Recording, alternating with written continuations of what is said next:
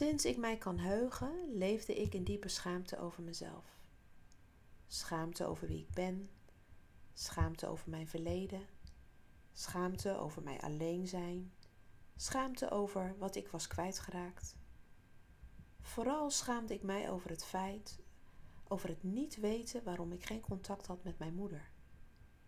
Op verjaardagen bijvoorbeeld was dit een groot struikelblok.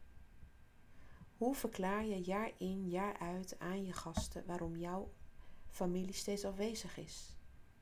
Je kan niet steeds een smoes blijven verzinnen. Hoe gênant is dat? Of waarom jouw vrienden jouw familie nog steeds niet ontmoet heeft? En waarom zien zij mij meestal alleen? De schaamte hierover verpestte mijn verjaardagen en eigenlijk alle feestdagen zo'n beetje. Mijn verleden was één groot geheim voor iedereen. Waarom?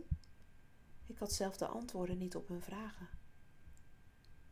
Ik heb wel eens geprobeerd mijn verhaal te vertellen, maar deze twee werelden raakten elkaar niet. Het verschil is te groot. Ik had geen antwoorden en de ander vult het te snel in, waardoor het leek dat ik het niet wilde. Maar ik had het al zo vaak geprobeerd en ik heb meerdere malen de eerste stap gezet. Ik had hierdoor zo sterk het idee dat ik de enige was met zo'n bizar verhaal. Ik ging er eigenlijk al vanuit dat niemand het zou geloven. De cliché-antwoorden die ik kreeg hielpen mij hierbij ook niet. Op nummer 1 met stip. Ach joh, je moeder bedoelde het vast niet zo. Maak het gewoon goed. 2. Je moeder heeft ook veel meegemaakt hoor. 3. Praat er maar niet meer over, dat doet niemand goed. Later, toen ik groot was en ik meer wijsheid, inzicht en kennis kreeg, begreep ik pas goed dat dit vaak goed bedoeld is door mensen. Zij praten vanuit hun perceptie. Mensen vinden het vaak moeilijk om echt alleen maar naar je verhaal te luisteren. Er moet een oplossing zijn voor jouw verdriet. En dan heb je nog de onwetendheid over narcistisch misbruik, misbruik in het algemeen en codependency. Mensen kunnen meestal niks met jouw horrorverhaal. Het is niet aanwijsbaar. Misbruik gebeurt nu eenmaal achter de voordeur. En het is nogal wat, dat vind ik zelf ook. Het slachtoffer hoort, het is je eigen schuld. Je vroeg er zelf om. En geïsoleerd worden is een tactiek van een misbruiker. Je staat alleen en dat weet je maar al te goed. Is het echt allemaal mijn eigen schuld? In al onze onbevangenheid als kind hielden we van onze ouders en wij wilden hun liefde. En we bleven hopen. Niks mocht verkeerd gaan. Maar de hoop en de liefde bleef onbeantwoord. Schaamte over mezelf bleef over. Ben ik niet om van te houden dan? Deze schaamte komt voort uit het niet geleerd hebben om van jezelf te mogen houden. Het is je niet geleerd. Je diende anderen binnen in je gezin.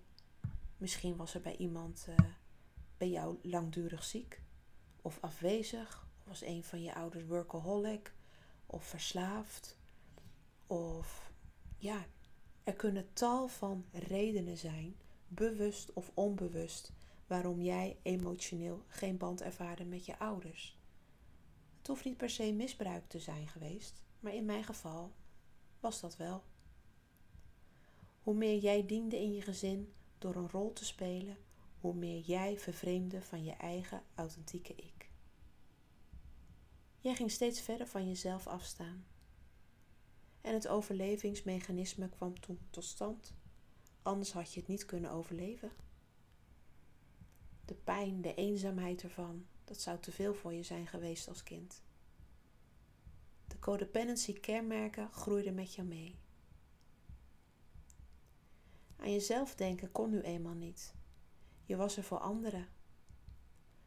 Deze combinatie van afwijzingsgevoelens, eenzaamheid, niet van jezelf houden en schuldgevoel is de diepe schaamte over jezelf. Nu je volwassen bent, dient het overlevingsmechanisme niet meer voor je. Sterker nog, het werkt zelfs tegen je. Wil je weten hoe je hiervan af kan komen? Dat laat ik jou graag weten. Schrijf je in voor mijn eendaagse workshop Pak je kroon op. En tijdens deze workshop vertel ik jou hier alles over. Ik ga jou vertellen hoe jij de leugen over jezelf kan vervangen, of kan vangen en vervangen door waarheid over jezelf. Schrijf je in via het contactformulier. Ik zie jou graag.